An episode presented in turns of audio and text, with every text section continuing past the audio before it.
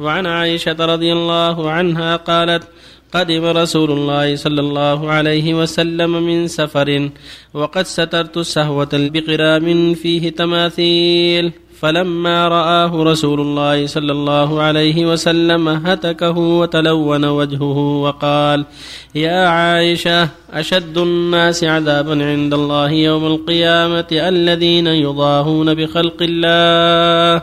متفق عليه. وعنها رضي الله عنها أن قريشا أهمهم شأن المرأة المخزومية التي سرقت فقالوا من يكلم فيها رسول الله صلى الله عليه وسلم؟ فقالوا من يجترئ عليه إلا أسامة بن زيد حب رسول الله صلى الله عليه وسلم. فكلمه أسامة فقال رسول الله صلى الله عليه وسلم أتشفع في حد من حدود الله تعالى؟ ثم قام فاختطب ثم قال إنما أهلك من قبلكم. أنهم كانوا إذا سرق فيهم الشريف تركوه وإذا سرق فيهم الضعيف أقاموا عليه الحد. وإيم الله لو أن فاطمة بنت محمد سرقت لقطعت يدها. متفق عليه. وعن أنس رضي الله عنه أن النبي صلى الله عليه وسلم رأى نخامة في القبلة فشق ذلك عليه حتى رؤي في وجهه فقام فحكه بيده فقال إن أحدكم إذا قام في صلاته فإنه ينادي ربه. وإن ربه بينه وبين القبلة فلا يبزقن أحدكم قبل القبلة ولكن عن يساره أو تحت قدمه ثم أخذ طرف ردائه فبصق فيه ثم رد بعده على بعض فقال أو يفعل هكذا متفق عليه.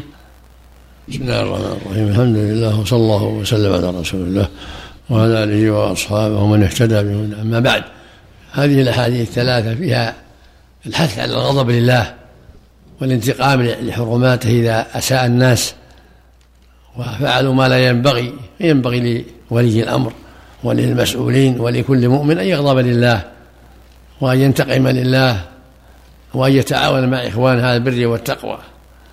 في هذا الحديث أنه صلى الله عليه وسلم جاء ذات يوم إلى بيت عائشة وقد سترت سهوة لها بقرام فيه تصاوير.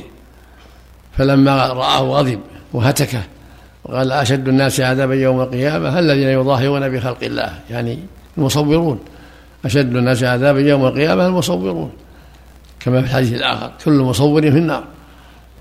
والرسول لعن المصورين. هذا فيه الغضب لله وأن البيوت أو غير البيوت لا تستر بالشيء اللي فيه التصاوير بل يجب إزالتها وهتكها. أما ما يمتهن الفراش اللي يمتهن يوطأ فلا بأس إذا كانت فيه تصاوير لا يضر إذا كان يوطأ. ولهذا في اللفظ الآخر قال فاتخذت منه وسادة يتكئ عليها في حديث أبي هريرة أن جبرائيل أمره أن يتخذ من الستر اللي فيه التصاوير وسادتان توطأان.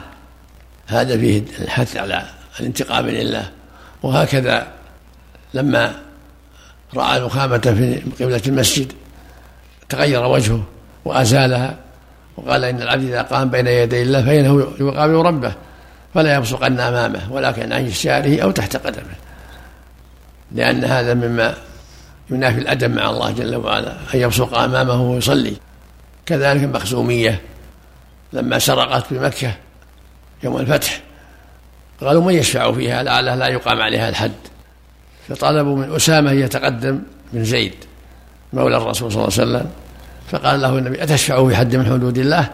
غضب عليه الصلاة والسلام وقال إنما هلك من كان قبلكم أنهم كانوا إذا سرق فيهم الشريف سرقوا وإذا سرقهم الضعيف فقاموا عليه الحد. ويم الله لو أن فاطمة بنت محمد سرقت لقطعت يدها. هذا فيه إقامة الحدود على الناس وأن لا فرق بين الشريف والوضيع من فعل ما يوجب الحد زنا أو سرقة أو شرب مسكر أو غير هذا وجب أن يقام عليه الحد سواء كان من أشراف الناس أو من أدنى الناس.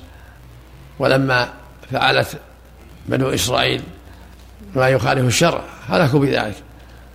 لما داهنوا الشريف والكبير وأقاموا الحد على الضعيف غضب الله عليهم نسأل الله العافية. رزق الله الجميع التوفيق والهداية. نعم.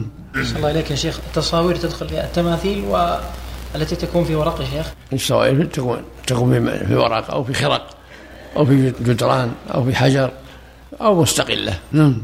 إذا رأى الملك أن لا يقام الحد لا ما يجوز. لا الملك ولا غيره.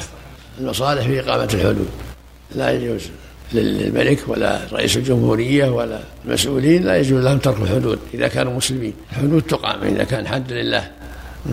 صلى الله عليك يا شيخ. التصاوير إذا كانت في وسادة أو في فراش يمتهن. الملائكة حفظكم الله لا تدخل البيت إذا كان لا لا ما ما ما ما, ما يستثنى من هذا. ما تمنع دخول الملائكة. إذا كانت في وسادة في إذا صلاة كان تكون تمتهن نعم إذا كان في وسادة أو بساط ما تمنع دخول الملائكة الصلاة عليها. لا لا حرج. إذا جاز بسطها جاز الصلاة عليها. لكن الصلاة على ما شيء ما فيه نقوش ولا في شيء يشوش أحسن. شيء السادة أحسن حتى لا يتشوش المصلي.